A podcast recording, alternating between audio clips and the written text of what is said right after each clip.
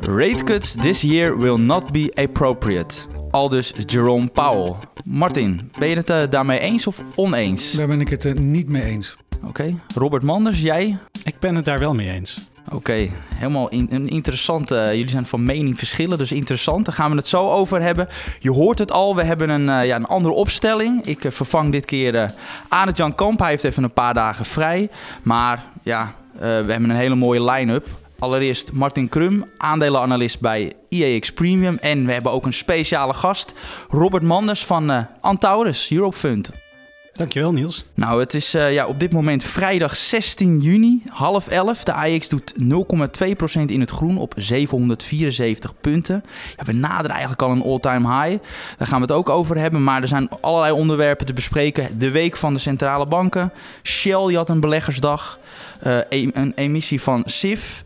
Um, Just Eat Takeaway. En op het einde gaan wij ook nog uh, ja, bespreken van hoe we een. Uh, ja, hoe selecteer je nou een goed aandeel? Maar ja, ook um, is het zo dat wij het opnemen op een andere locatie dan normaal. We nemen op bij uh, het kantoor van Market Wizards. Dankjewel. Want ja, alle zalen zitten vol vanwege er is een mooie beursgang hier op het Dambrak. dus nou, dank daar wel daarvoor. Um, ja, Martin, ja, toch om te beginnen, wat is jou opgevallen deze week? Wat mij met name is opgevallen deze week, en daar verbaas ik me ook echt wel over, is dat uh, er uh, bijna geen aandacht is besteed door de, laten we zeggen, de media aan uh, de introductie van de Central Bank Digital Currency. Ehm, die komt er echt aan. Kun je uitleggen wat dat inhoudt? Want ik denk niet dat iedereen dat weet. Ik ben bang dat zelfs een hoop mensen dat niet weten. En dat is natuurlijk niet goed. dat wordt een digitale variant van de euro. het besluit daartoe is al genomen. Dus het idee dat dat misschien ooit een keer komt, uh, vergeet het maar, die gaat er komen. En dat gaat heel veel impact krijgen. En ik heb daar eerlijk gezegd vrijwel niets van kunnen terugvinden in de media. En dat verbaast me. En wat, uh, als je het hebt over de impact, wat, wat zijn daar dan de nadelen van? Nou, ik, kan hier nu niet uh, tot in detail alle uh, uh, info geven over de central bank digital currency. Alleen laten we zeggen dat het een behoorlijke impact gaat krijgen op bankaandelen. Het wordt een nieuw systeem geïntroduceerd naast de nu al bestaande systemen. En dat gaat maatschappijbreed veel gevolgen krijgen. Oké, en maar goed, je zou inderdaad ook denken van waarom wordt dat dan ingevoerd? Als jij vrij nou, sceptisch ik heb, bent. Uh, ik, ik, heb erg mijn best gedaan om valide argumenten te vinden bij uh, de ECB, de Nederlandse Bank, de BIS uh, voor de introductie hiervan. Ik heb het niet kunnen vinden. Oké, okay. dus het is iets misschien ook waar je, waar je misschien voor premium vaker over gaat schrijven? Ja, dat, kijk, het is natuurlijk geen aandeel. Hè? Dus mm -hmm. in principe ben ik natuurlijk gewoon een aandelenjongen. Alleen de kans dat ik daar toch wat dieper op inga, eventjes voor premiumleden, gezien de impact, ook op bankaandelen is uh, niet. Uh, dat zal uh, waarschijnlijk wel gaan gebeuren. Oké, okay, interessant. Ik wacht het graag af. Robert, is er jou iets opgevallen deze week? Ja, um, het kwam mij een paar dagen geleden te horen dat Unibail Rodamco Westfield is weggelopen van een winkelcentrum in de Verenigde Staten, in San Francisco. Hebben ze een redelijk groot winkelcentrum dat 5% is van hun flagship portefeuille in de VS qua vierkante meters. En daar zat dus een hypotheekschuld op van 560 miljoen dollar ongeveer. En uh, zij hebben tegen de bank gezegd: hier heb je de sleutels, uh, het is jouw probleem. Oké, dus ze hebben het gewoon uh, van de hand gedaan. Uh, ja, precies. Ze hebben ja, ze, die schuld die hoorde alleen bij dat winkelcentrum, dus heeft verder geen uh, ja, repercussies voor Unibuy. Maar ze zijn het winkelcentrum nu, nu dus wel kwijt. Een mol in het centrum van San Francisco. Die markt die is heel erg slecht. Uh, zo slecht dat de bezettingsgraad maar iets van drie kwart was per jaar einde. En sindsdien zijn er nog wat, uh, ja, dat nu wat huurders uitgegaan. Het is een verschrikkelijke markt, hogere criminaliteitscijfers en dergelijke. Dus, uh, dus daar hebben ze veel op moeten afschrijven? Daar hebben ze wel wat moeten afschrijven, denk ik. Maar ik denk dat veel afschrijvingen al uh, gedaan zijn in het okay. afgelopen jaar. Dus we zullen waarschijnlijk wel een afschrijving zien bij de volgende cijfers. Uh, maar denk niet dat het uh, in dezelfde orde van grootte ligt als die lening zelf. Oké, wat moet je als belegger met dit, met dit aandeel Unibail? Moet je hier iets mee doen? Of uh, hoe kijk jij daarnaar? Nou, ik denk niet dat dit een hele grote impact heeft op het aandeel. Het is wel goed om alert te zijn op de Amerikaanse portefeuille. Want uh, San Francisco loopt in bepaalde ja, mate toch wel voor op uh, de rest van de vastgoedmarkt. Want een aantal jaar geleden was het de meest hot uh, vastgoedmarkt van Amerika. Dat zag je ook in de kantoorhuren, Silicon, Silicon Valley natuurlijk, dat er in de buurt ligt. maar dat begint toch wel behoorlijk af te koelen. Ook door thuiswerken en door kleine dingetjes zoals criminaliteit. Wat eigenlijk wel een groot ding is in het centrum van San Francisco. Maar het is toch wel goed om alert te zijn op die Amerikaanse portefeuille en waar dat heen gaat. Ja, want hoe kijken jullie, want je, je zit bij Antaurus, je hebt een mooie overgang gemaakt. Hoe kijken jullie bij Antaurus naar dit soort aandelen, winkelvastgoed? Want wij weten dat een, best wel wat particuliere beleggers dat interessant vinden vanwege het hoge dividendrendement. Hoe kijk mhm. jij daarnaar?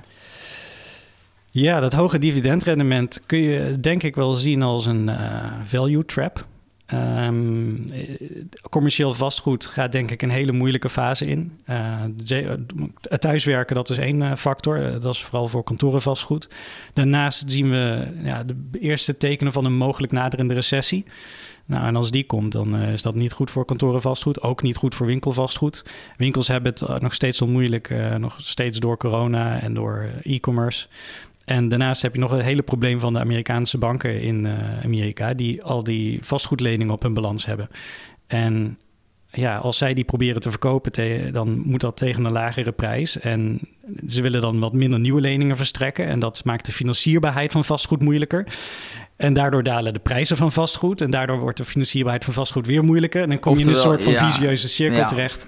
Dus, dus als ik jou zo uh, hoor, is uh, dat uh, winkelvastgoedaandelen... die zullen we niet veel zien in de portefeuille bij Antaurus. Uh, niet in de long portefeuille, nee. Oké, oh, oh, oh, kijk, ja, ja, ja, want dat is natuurlijk wel even uh, het ding. Antaurus gaat ook uh, short, toch? Binnen het beleggingsfonds wat ze hebben. Ja, klopt. We hebben één fund, het Antaurus Europe Fund. En um, dat is een long-short fonds. Dus nou, om het even simpel te zeggen, er is een pot van 375 miljoen euro. En daarvan gaan we 250 miljoen euro long, 250 miljoen euro short. En uh, de shorts, die, uh, ja, daar profiteren we van als de beurs of als de aandelen in die short portefeuille dalen. En de longs profiteren we van als die aandelen stijgen. En ja, je kan je voorstellen als je ongeveer marktneutraal zit, zoals wij, 250 short, 250 long, dan is de volatiliteit van je portefeuille niet zo heel erg groot. En dat is ook de reden waarom je dus uh, voor zowel long posities als short posities kiest. Omdat je dan uh, die, die volatiliteit omlaag uh, brengt. Zodat je in tijden van bijvoorbeeld slechte beurstijden... dat je dan de markt eigenlijk outperformt daardoor. Ja, precies. De, als je terugkijkt in de koersgrafiek van het Taurus... de beste tijden waren rond beurscrashes en vooral daarna. In de periode daarna gaan we vaak wat meer long... Dus dan veranderen we de beweging van die shorts en die longs. En dan zie je dat. Want jullie eh, proberen wel echt de markt ook te timen ook. Dat, nou, dat, dat, is natuurlijk vrij ingewikkeld. Dat proberen we niet. Er is een aantal. Uh, we hebben een model met uh, heel veel verschillende factoren. Dat is echt data gedreven. En dat bepaalt waar onze longs en shorts moeten zitten netto. En dus netto long kan maximaal 75%, netto short uh, maximaal 50% uit mijn hoofd. Okay. Maar meestal zitten we in de buurt van, ja, in de buurt van de nul of tot 25. En jouw rol zal dan met name zijn bij de, de op het moment dat bepaalde sectoren worden uitgekozen, uh, dat daar dan weer individuele keuzes op moeten worden gemaakt voor individuele aandelen, neem ik aan. Ja, ik ben nog niet zo heel lang bezig bij Antaurus. Dus uh, het is in het begin vooral een breed georiënteerd. Uh, maar ik heb, ja, ik heb natuurlijk een aantal sectoren waar ik wat beter in ben dan andere. En Antaurus kijkt ook wat meer naar sommige sectoren dan andere. Bijvoorbeeld bankaandelen doet Antaurus niet. Nee, dat is bekend. Heel verstandig. Etienne, ik geloof Etienne Platte, die heb ik wel vaak erover gehoord. Die is daar totaal geen fan van. Uh. Nee, klopt. Uh, maar bijvoorbeeld industrials doen we best wel veel. Um, ook aan de longkant, ook aan de shortkant. En dat is ook wel fijn om uh, sectoren een beetje in balans te houden. Want anders krijg je dat in de long portefeuille zitten bijvoorbeeld alleen maar tech-aandelen. En in de short portefeuille kan bijvoorbeeld alleen maar vastgoed zitten. En nou, als dat net de verkeerde kant op gaat, dan krijg je toch wel volatiliteit in je fonds. En dat proberen we wel te voorkomen. Oké, helder. Um, ja, nou ja, we begonnen deze uitzending met, ja, met, het, met de centrale bank, met de Fed. Um, ja, wat een beetje mij opviel is dat toch wel de Fed een redelijk andere koers kiest nu dan, uh, dan, de, dan de ECB. Hoe, hoe kijk jij daarnaar, uh, Martin? Nou, de ECB loopt uh, een beetje achter de, de feiten aan, maar loopt ook een beetje achter de Fed aan natuurlijk. ECB is in mijn optiek bijna klaar. Er zal inderdaad misschien nog één kwartje volgen. En dan is het wel klaar. Amerika wordt, denk ik, toch wat spannender. Uh, de, de, toon van de Fed was weliswaar uh, vrij scherp. Maar je ziet nu dat het ontzettend begint te knellen. Die renteverhoging is natuurlijk heel snel gegaan. En nou, vastgoed is daar natuurlijk een uh, voorbeeld van. Maar er zijn meer sectoren waarvan het nu echt pijn begint te doen. Zo'n 40% van de nou, laten we zeggen, de, midkappers en de wat kleinere fondsen, die komen ook echt in de financiële stress te zitten op het moment dat er nu nog een verhoging bij komt. Ik denk dat dat een brug te ver is. Oké, okay, dus jij, jij zegt dus in feite, want je zei inderdaad al van nou een, een rate cut appropriate, hè, dus um, de Fed zegt, nou, we gaan absoluut de rente niet verlagen dit jaar. Jij ziet dat anders, puur vanwege het nu al gaat knellen, die economie. Ja, het gaat, het gaat behoorlijk knellen zelfs. En uh, de arbeidsmarkt is natuurlijk nog wel uh, gezond. Hè, dat is natuurlijk ook een belangrijke parameter voor de Fed. Uh, daar is nog vrij weinig mis mee. Er komen ook wel de eerste haarscheurtjes in. Uiteindelijk is de inflatie nou, nog steeds wel te hoog, maar laat natuurlijk wel een dalend patroon zien. Dus je moet je op een gegeven moment ook afvragen of zo'n laatste kwartje op dat vlak nog heel veel toevoegt. Je weet wel dat een volgend kwartje extra veel pijn gaat doen. Ja, want de markt gaat er nog wel vanuit dat ja. de Fed die nog twee, uh, twee keer gaat verhogen. Hoe, hoe, hoe, zie jij dat? Nou, dat kan over een week weer anders zijn, Niels. dat, dat, uh, we hebben heel veel draaiingen gezien de afgelopen maanden. Dus ik, ik hecht daar niet al te veel waarde aan. Oké. En wat me ook opviel, um, je ziet, wat je vaak ziet bij de, de Fed, hè, dat de rente blijft nu gelijk op die 5,00%, 5,25.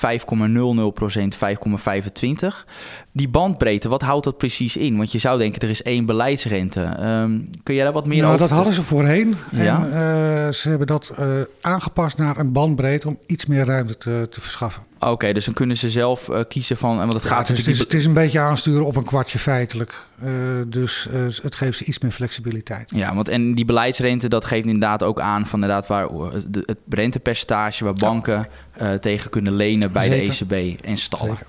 Maar Robert ziet het anders, dus ik ben heel benieuwd. Ja. Ja, het lijkt me heel erg logisch dat ze dit jaar niet um, um, weer gaan verlagen.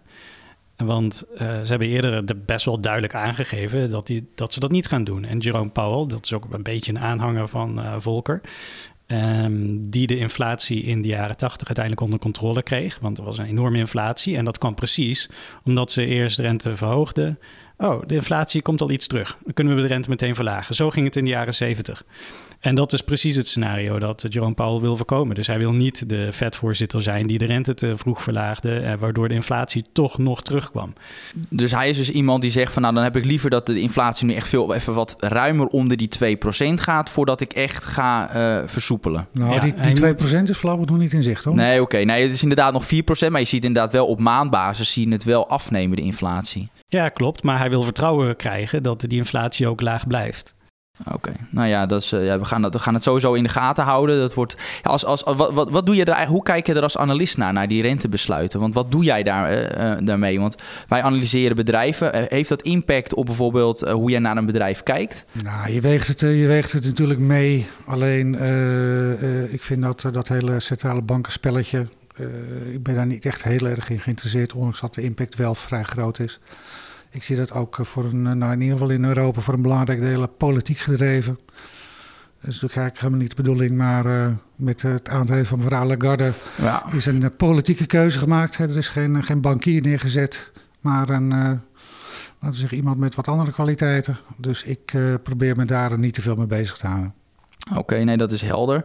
Um, ja, ik denk dat het macro-gedeelte wel een beetje, een beetje hebben gehad. Uh, wat mij nog wel, ja, ik denk ook wel beleggers wel uh, met interesse naar uitkeken, was de beleggersdag van Shell. Um, en ja, Shell die had ook wel wat uh, te bieden voor aandeelhouders. Want ze zeggen ja, in het tweede kwartaal gaan we het dividend met 15% verhogen. En er komt in de tweede jarenhelft een aandeleninkoopprogramma van tenminste 5 miljard. Toen dacht ik, toen ik dat las, dacht ik van nou, die koers die gaat, die spuit omhoog op dat Absoluut bericht. Niet, nee. Maar er gebeurde helemaal niks. Jij als analist, nee, Martin, hoe kan dat, dat? Allereerst is dat natuurlijk al een beetje voorgemasseerd. Hè. Uh, dit was niet, uh, laat ik zo zeggen, Shell had goed nieuws voor aandeelhouders, maar het was niet verrassend. Uh, de enige echte verrassing wat mij betreft zat er met name in het feit dat de nieuwe topman nu toch een ja, laten we zeggen, een draai maakt. Uh, voorheen was de planning dat de olieproductie elk jaar met een procent of twee zou dalen. En de nieuwe topman die, die kiest de andere kant op. Oké, dus die zegt van uh, we gaan toch, we willen toch even in ieder geval geloof ik op hetzelfde niveau houden. Ja, zelfs, zelfs een klein plusje. Kijk, en dat is natuurlijk ook niet onbegrijpelijk. Wat moet al natuurlijk wel betaald kunnen worden. Ja, en is dat ook de reden waarom die um, beleggersdag in, ik geloof New York, of wat, in, in Amerika werd New gehouden? York, ja. New York werd gehouden, want we hebben natuurlijk wel wat, dat, ja, met, qua klimaatactivisme, ja, als, je dan, als die nou, willen niet het nou, bericht horen dat de olieproductie omhoog gaat. De, de, de, de top stoort zich enorm aan uh, de waarderingsgap tussen enerzijds... Uh, Europese oil majors en anderzijds Amerikaanse oil majors. Die worden ongeveer dubbel zo hoog gewaardeerd als de Europese aandelen. daar wil hij wat aan doen. Ehm, dit is een leuk aanzetje, maar dit gaat natuurlijk niet de waarderingsgeloof wegnemen. Nee, want dat heeft natuurlijk ook gewoon met de, ja, gewoon het politieke klimaat te maken. Uh, onder speelt, andere. Ja, dat speelt uh, zeker een rol. Het sentiment hier is natuurlijk toch een stuk negatiever uh, ten opzichte van de fossiele brandstof dan in Amerika. Dat speelt absoluut een rol. En er zijn er wel wat meer redenen aan te wijzen waarom Amerikaanse aandelen toch wat hoger genoteerd staan.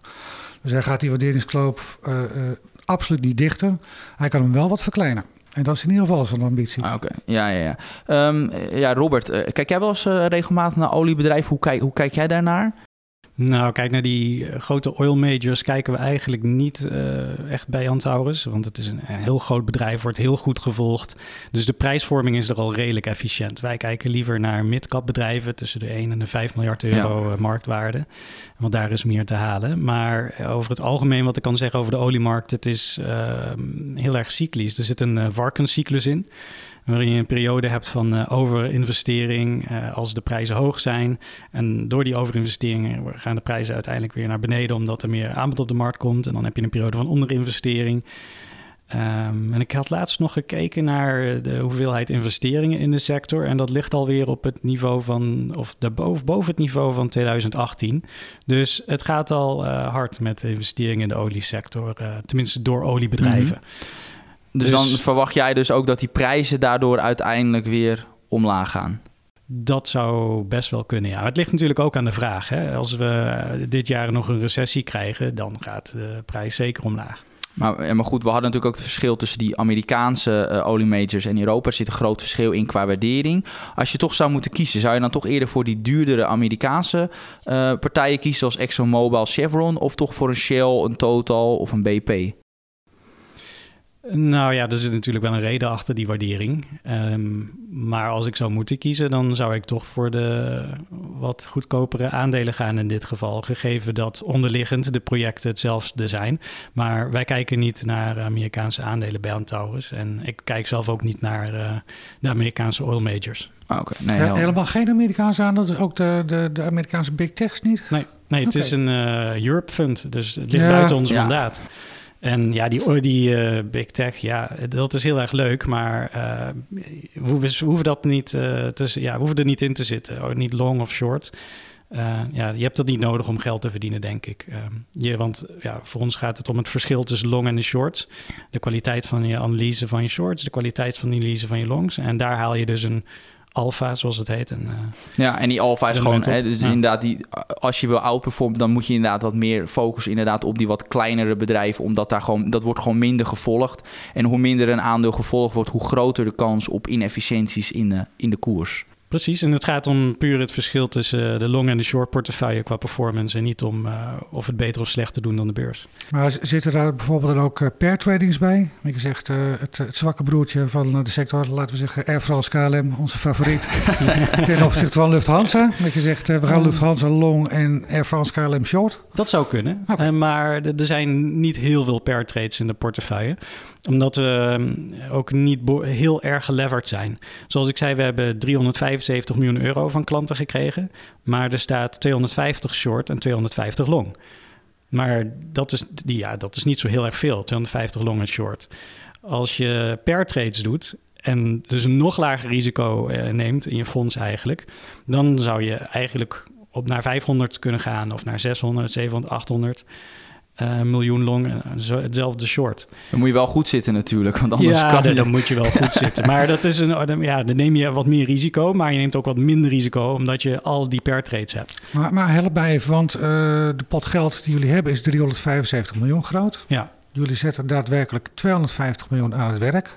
Ja. Dat betekent dus, ik neem aan dat dan uh, het cashgedeelte aangehouden wordt, hè, met name ook uh, voor de short uh, ter covering.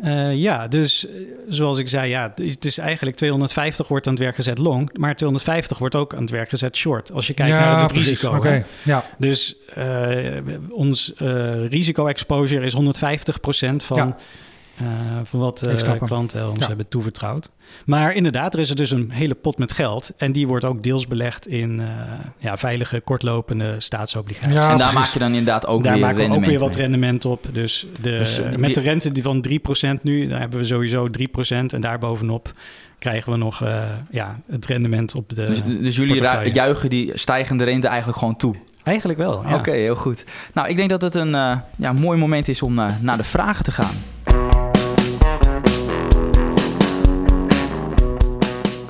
Ja, we trappen af met een vraag van Chris Lam. En die vraagt, ja, ik lees dat er bij de Giro nu een minimum geldt voor de gratis kernselectie.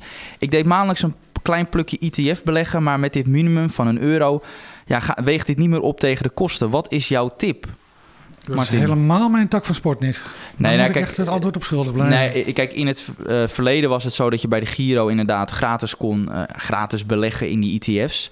En dan kon je bijvoorbeeld vanaf 50 euro iedere maand wat storten. Ja, als je dan een eurotje moet betalen. 2%? Dat is 2%, dat is te hoog. Wat ik zelf zou doen in die situatie is toch wel ehm, desnoods eh, dan niet meer iedere maand. Bijvoorbeeld iedere twee maanden, dat je dan bijvoorbeeld iedere twee maanden eh, of drie maanden 200 euro eh, belegt. Zodat je dan maar 0,5% aan kosten Oh, ja, het tikt Inreken- ook nog steeds aan. dat tikt nog wel aan, maar als je dat natuurlijk lang eh, belegt, dan, dan, dan valt de schade nog wel, eh, nog wel mee. Dus ja, dan zou ik gewoon even zeggen, spot het dan even op en dan eh, later de markt in. jij een ETF belegger, Robert, of echt individuele aandelen? Ik heb geen enkele ETF. Nee, dat verbaast mij helemaal niks. Mag je wel in individuele aandelen beleggen? Ja, dat mag wel. Maar dan niet in de, waarschijnlijk in de fonds waar het Antaurus-fund in zit. Of ook nou nog ja, wel. er zitten wel inderdaad behoorlijke restricties aan. Juist, ja. Ja. Oké, helder. Eh, we gaan door met een vraag van Surfing Erik. Ja, ja. Eh, hoi heren, ik ben een trouwe maandelijkse wereldindex en AEX belegger. Nu mijn portefeuille wat groter wordt, wil ik daar een percentage obligaties aan toevoegen. Hoe kan ik dat op een simpele manier doen? Robert? Ja, leuk, obligaties. Die heb ik zelf wel namelijk, in tegenstelling tot ETF's. Heel toevallig heb ik gisteren nog een plukje Treasury bills gekocht. eh kortlopend Amerikaans staatspapier. Ehm, maar voor deze belegger, die een ETF-belegger is, denk ik dat het handig is als die bij ETF's blijft, het lekker simpel houdt. Eh, dus dan denk ik bijvoorbeeld aan de iShares Core Euro ehm, Corporate Bond UCITS ETF. Ehm, ja, een redelijk simpel product. Ehm, ze hebben een- die bonds in de ETF hebben een looptijd van gemiddeld een jaar of vijf.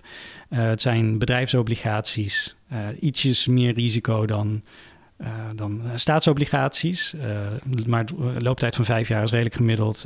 kostenvoet van 0,2 procent per jaar. Dat is relatief Niet weinig. Ja. Ja.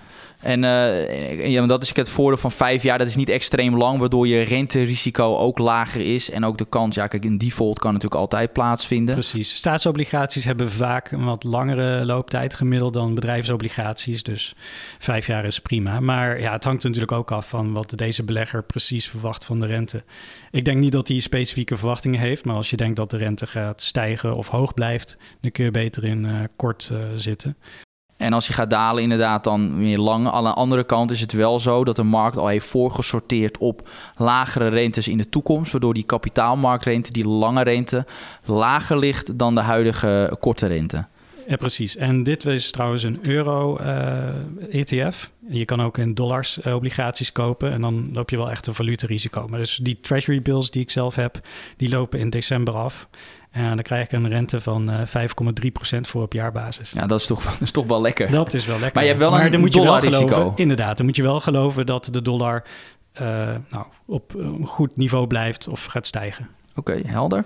Ehm, nu een vraag van Nick van der Hoeven. En die vraagt: ja, Mannen, dank voor de wekelijkse podcast. Vaste prik voor mij om te luisteren naar de vrijdagmiddagborrel. Eh, zouden jullie eens een keer naar het oer-Hollandse Lucas Bols willen kijken? Ja, dat is een beetje een aandeel wat we misschien een beetje uit het, uit het oog, uit het hart. Laat ik, het, eh, laat ik een kort antwoord geven. Het antwoord is nee. Nee, jij, jij vindt er helemaal niks van? Nee, ik- geen interesse. Nee, wij zien Oké. daar voor, laat ik het zo zeggen, wij zien daar voor premiumleden in principe geen, eh, geen eh, mooie kans. En eh, we zijn hier niet met bezigheidstherapie bezig. We zoeken natuurlijk uiteindelijk wel aandelen waar wij wat in zien voor leden. En dan dit soort aandelen. Ook een flatliner geweest de afgelopen vijf jaar. Helemaal geen beweging uh, sinds de beursgang. Ik dacht in 2015 30% omlaag. We, we, hebben er in een wat, wat grijze verleden één keer naar gekeken en ik was vrij klaar. Nou, ik, ik heb er zelfs ook een paar keer naar gekeken, maar ik was ook niet heel erg enthousiast. Dus ik deel die mening, uh, Martin. Ik weet niet, uh, kijk jij er anders naar, Robert? Ben je nog steeds niet enthousiast?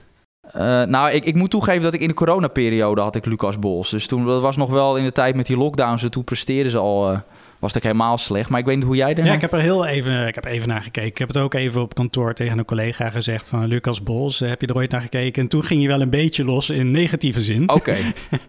Okay. um, begon niet helemaal over die overname die ze een aantal jaar geleden hebben gedaan. Uh, volgens mij was dat vlak voor corona was dat aangekondigd. Of nou, iets ja, maar goed. En ja. uh, daardoor kregen ze heel veel schuld uiteindelijk op hun balans.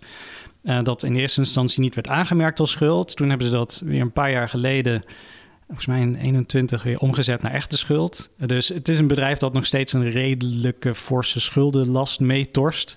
Die is wel aan het aflossen zijn. Dus ik zou zeggen, belegger, sta je niet blind op de koerswinstverhouding, want uh, er moet nog behoorlijk wat afgelost worden daar. Oké, dus, dus er gaat meer geld naar de schuldeisers dan naar de aandeelhouders, is jouw verwachting? Nou ja, voorlopig wel. Oké, okay, helder. Um, nu, ja, wel een leuke vraag van AI. Krijgen we relatief uh, veel vragen over van Cashel. En die vraagt: Ja, beste heren, omdat niet te voorspellen is wie de AI-revolutie wint, zou je kunnen beargumenteren dat het verstandiger is om de infrastructuur, uh, ja, in de infrastructuur te investeren? Bijvoorbeeld de cloud, een cloud-ETF. Is dit. Hoe, hoe kijk jij hiernaar, Robert? Nou, op zich een heel uh, leuk en interessant idee. Um, alleen is uh, de, de, deze luisteraar niet de eerste die op dit idee komt. Ik heb bijvoorbeeld, uh, ja, dat was al een paar weken geleden, zag ik een grafiek van de Picks and Shovels Index, zeg maar. Dus de, ja, dus de, dat is een referentie naar de Gold Rush, naar de goudkoorts. Um, en dat zijn dus aandelen die indirect profiteren van AI, zoals Nvidia. Um, want NVIDIA, die, dat zijn die grafische kaarten, die worden gebruikt voor uh, het bouwen van de AI-modellen. Nou, um, dus die index die was helemaal door het dak gegaan. En uh, ik denk dat, of ik weet eigenlijk, dat dat voor heel veel van die cloud-aandelen die profiteren van AI, geldt het ook.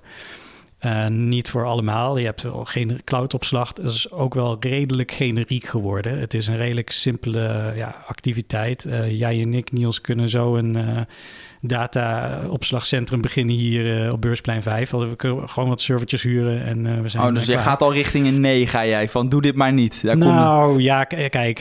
de aandelen die interessant zijn, die zijn al behoorlijk opgelopen. De aandelen die er niet interessant van zijn, die ja, die, die gaan ook niet lopen, denk ik. Dus... En ik heb even gekeken naar, die idee, naar wat ja. ETF's. Je hebt er eentje van Wisdom Tree, uh, je hebt er eentje van First Trust. En daar zitten ja, aandelen in, inderdaad, die heel erg zijn opgelopen. Of ja, die het kopen sowieso niet waard zijn. Dus jij zegt gewoon, het antwoord is gewoon, ik, ik heb nu een ETF genoemd. Maar zeg, als je het doet, heel beperkt. Want dit zijn hele hoge risico aandelen, hoge waarderingen. Ja, je ziet ook dus dat het kan ze, wel eens tegenvallen. Precies. En ze zijn ook behoorlijk opgelopen al dit jaar. Dus je bent niet de eerste met dit idee. Okay. Dus dan heel is goed. het misschien goed om iets anders te Heel bedenken. goed, Da daar gaat het grote geld ook niet verdiend worden.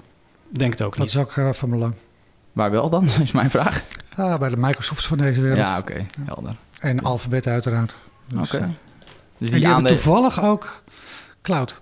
Ja, dat is waar inderdaad. Dus wat dat betreft uh, hoef je in, uh, in principe niet eens te kiezen. Oké, okay, helder. Nou, tot slot een vraag. Dat gaat over Pfizer. Want hij zegt uh, van Mambo Jam. En die vraagt, ja, het aandeel Pfizer is fors gezakt. En zeker nu die coronaperiode voorbij is. Uh, ja, hoe kijken jullie naar zo'n aandeel als Pfizer? Die mag jij beantwoorden, want jij volgt uh, het fonds. Ja, ik dacht van dan mag ik ook een keer een vraag oppakken. Zeker. nee, ja, Pfizer volg ik inderdaad. Um, je ziet dat wel terug uh, aan, aan de resultaten hoor. Dat, um, dat de, de dalende corona, van, met name van de, het vaccin en van de, ja, uh, van hun, ze hadden ook een coronapil hadden ze.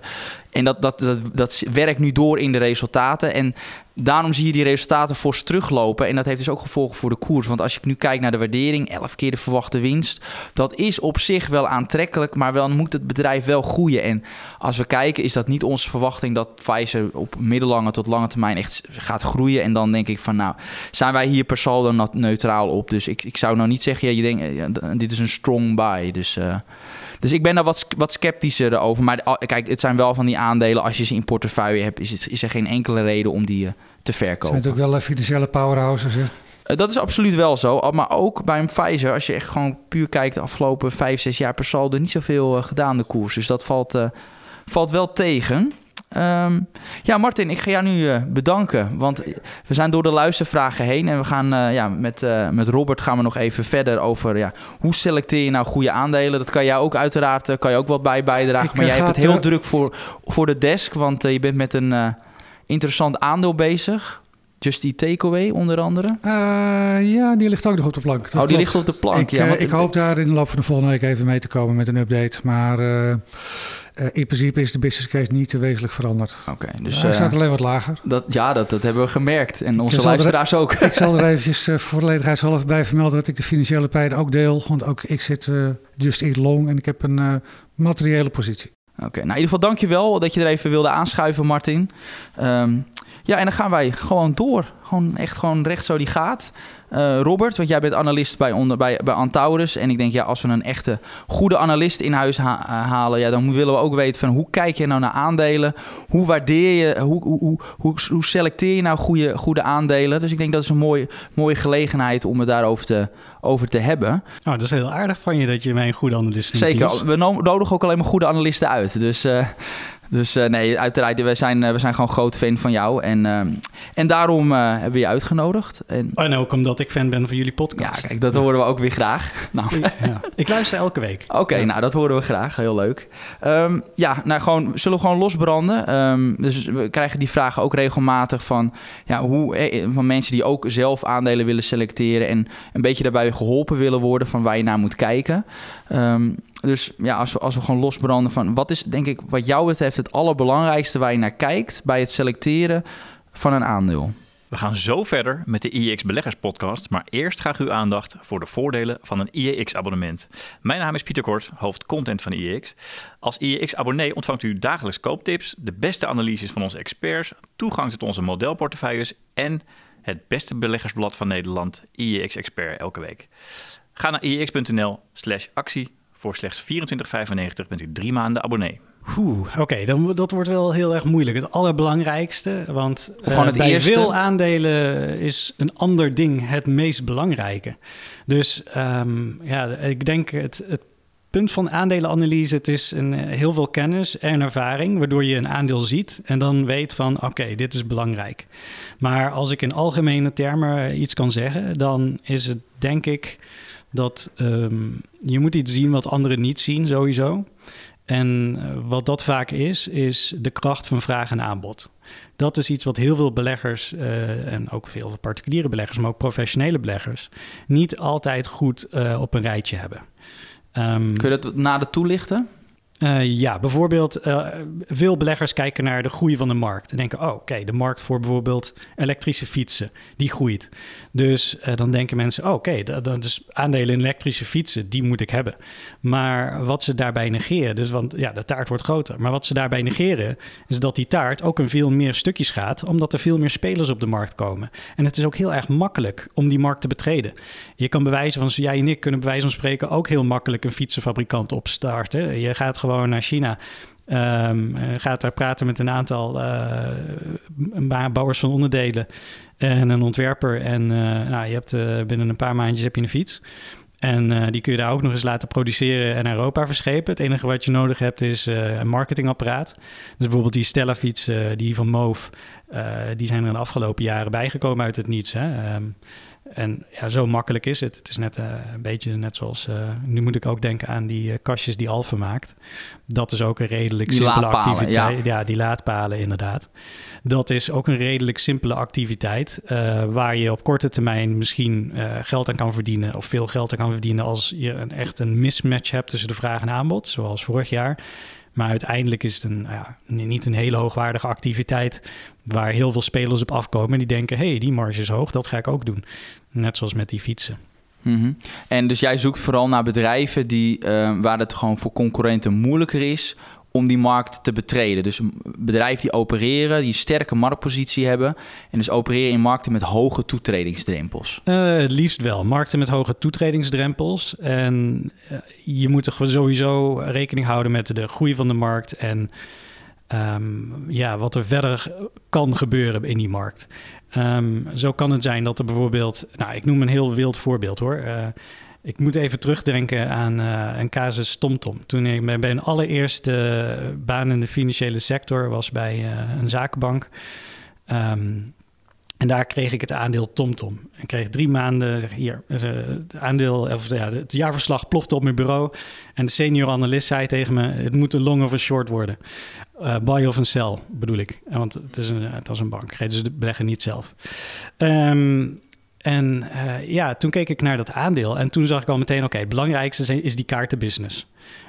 Die kaartenbusiness, dat is het ding waar beleggers wild van worden. Dus daar moet ik naar kijken, die markt. dat is het belangrijkste. Ja, dus, dus je, daar moet je naar kijken. En jij zag dus in feite van nou, um, er is wel een mooie groeimarkt, maar er zijn ook andere Precies. partijen die dat kunnen het, doen. Het leek, leek, op het eerste gezicht een groeimarkt.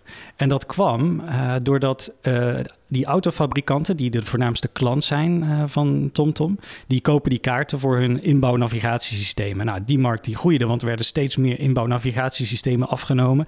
De automarkt groeide, dus dan kreeg je best wel een, een stevige groei. Tailwind of rugwind, uh, zoals ze dat noemen. De wind mee, zou ik liever zeggen. Um, omdat je steeds meer kaartjes verkoopt. Dus als veel analisten, wat zij deden in hun model, is uh, zij pakten dus uh, de, ja, de, de, omzet van nu en deden, oké, okay, de markt groeit met uh, plus 10, oké, okay, dan groeit TomTom ook met plus 10. Oh, misschien groeien ze wel met 12, omdat TomTom marktendeel wint. Oké, okay, plus 12, plus 12, plus 12, plus 12. En dan kom je op hele hoge koersdoelen uit. En zo kom je op hoge ja. koersdoelen uit. Maar het liep even anders, omdat dus er gewoon meer spelers op die markt kwamen. Nou, dat niet. In dit geval, daarom vind ik dit een mooi voorbeeld. Er kwamen niet meer spelers op de markt. Het was nog steeds een markt met twee spelers. Er was één speler op de achtergrond, uh, Google. Maar naast TomTom had je ook belangrijke. Nog, precies, had je Nokia hier. Maar uh, de meeste autofabrikanten wilden geen klant worden van Google. Dus dat was meer op de achtergrond. Uh, en dat was een optie. Dat was ja, een soort van ding waardoor de hele casus kon instorten. Maar het gebeurde nog niet. Uh, maar het hele punt met TomTom is, de, is dat ze, die prijzen die gingen elk jaar omlaag. En ongeveer met hetzelfde percentage als waarmee de afzet, dus het Groeide. aantal verkochte kaarten, groeide. En dan kom je op nul uit. Precies, dan kom je op nul uit. En, ja, ik en dat zie je dus ook terug in, dus in de koers van TomTom, Precies. dat het per saldo niets heeft gedaan. Precies, en ik ging er ook over nadenken van hoe kan dat nou? En het is ook best wel logisch, want elke extra verkochte kaart kost helemaal niets. Dus eh, waarom zou een extra verkochte kaart meer omzet opleveren als het letterlijk niets kost en als het een concurrerend product is? Want een kaart die is of goed of slecht. Het is net als een vat olie. Je hebt een Mhm. vat olie van hoge en lage kwaliteit, maar het is nog steeds een vat olie. Het is niet een, eh, ja, een heel bijzonder product. Het, eh, het is ja, super ja, vervangbaar eigenlijk, een, een eh, kaart voor een auto. Want zoals ik zei, hij is goed of slecht, maar het kost wel heel veel ehm, ja, R&D en resources om zo'n kaart in de lucht te houden, te maken. Dus je hebt een hoge vaste kostenbasis. En TomTom en zijn concurrent hadden dat ook. Ehm, en waar die, eh, het punt was wel dat die concurrent, die verdiende geld, want die had de beste kaart. En TomTom, en dat is natuurlijk En op het moment dat je dat door hebt dat ze dat niet hebben, dan blijven ze achter. Want je, hè, om- TomTom, ik denk dat de casus vrij helder is, want je hebt ook, eh, maar je, je hebt natuurlijk ook een aandeel meegenomen dat aan dat criterium juist heel goed voldoet. Ehm, zou je daar ook wat meer over willen vertellen? Eh, ja, Antaurus zit sinds een paar maanden long in het aandeel eh, Acceleron. Dat, is een niemand, ja. Zwitsers. het staat op de Zwitserse beurs. We hebben trouwens best wel veel Zwitserse aandelen. Ehm, en het, het is te vinden onder de ticker ACLN. Mhm. voor de geïnteresseerde beleggers. Die kunnen dan meteen ja, zien hoe je dat uh, Acceleron spelt. Het is een bouwer van eh, turbochargers. Nou, je weet misschien ook niet wat dat is, maar ze zitten bijvoorbeeld in auto's, maar die maakt Acceleron dus niet. Het gaat om de hele grote turbochargers voor eh, bijvoorbeeld zeeschepen of voor ehm, grote eh, motoren in, ehm, in de energiesector. Bijvoorbeeld om stroom op te wekken, noodaggregaten, dat soort dingen. Ehm, die maken ze dus en die turbochargers die, die horen eigenlijk bij een motor.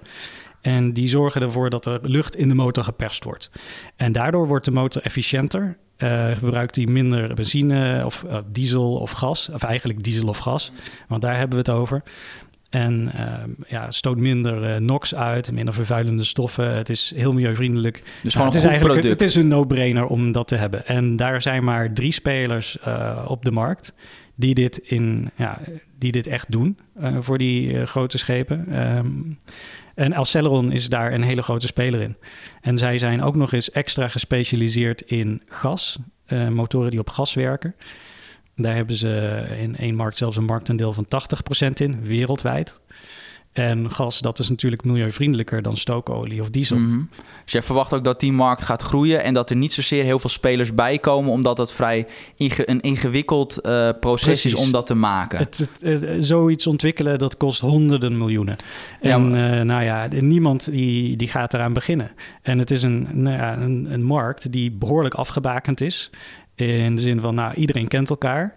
De, ja, de afnemers die zijn helemaal vervlochten met, uh, met de spelers zoals de Celeron. En wat er ook nog bij komt is dat het zijn verbrandingsmotoren. Dus je kan bedenken, misschien over 20 jaar of over 30 jaar of over 40 of 50 jaar um, gaan uh, schepen misschien over op elektriciteit of zoiets. Nou, en dat maakt het ook wat minder aantrekkelijk voor nieuwe toetreders om deze om sector daarin, te betreden. Ja, om ja. daarin te investeren. Dus, dus dat, dat zie je als een plus. Maar goed, we kijken ook uiteraard naar waardering, want het verhaal kan nog zo mooi zijn. Een bedrijf moet wel geld verdienen, nou dat doen ze. Uh, hoe kijk je naar die waardering? Want ze doen iets van 15 keer de verwachte winst voor volgend jaar. Uh, hoe, hoe, hoe kijk je daarnaar? Ja, want waardering kijken, speelt bij jou wel een belangrijke rol, ja. lijkt mij, bij het waarderen van een aandeel. Ja, precies. Uh, de cashflow yield is ongeveer 7,5%. Ja, dus dat is dus de, de kaststroom ten opzichte van de beurswaarde. Ja, dus dat is eigenlijk in feite het bedrag dat, dat je als belegger krijgt mocht het bedrijf niet groeien. En de waardering blijft gelijk en ze zouden alles uitkeren en dan krijg je die 7,5%. En als de schuld onder de 1 keer EBITDA zit, ja. uh, dan keren ze alles uit. En daar zit, het, zit, daar, daar zit de schuld ongeveer. Ongeveer, dus relatief weinig schulden de waardering Precies. vind je oké. Okay, ja. En je verwacht daardoor ook lange termijn groei en voor het, dat bedrijf. Ja, en uiteindelijk uh, die lange termijn groei wordt ook gesteund door het service component. Want 90% van de winst en driekwart van de omzet komt uit het servicen van motoren die al, uh, ja, die al geïnstalleerd zijn op uh, schepen en andere plekken. Uh, Zo'n motor gaat 25 jaar mee en die heeft een aantal onderhoudsbeurten nodig in die tijd. En dat doet Celeron. Dus want andere dus constante... spelers kunnen dat niet doen, want die hebben de know-how niet, de onderdelen niet.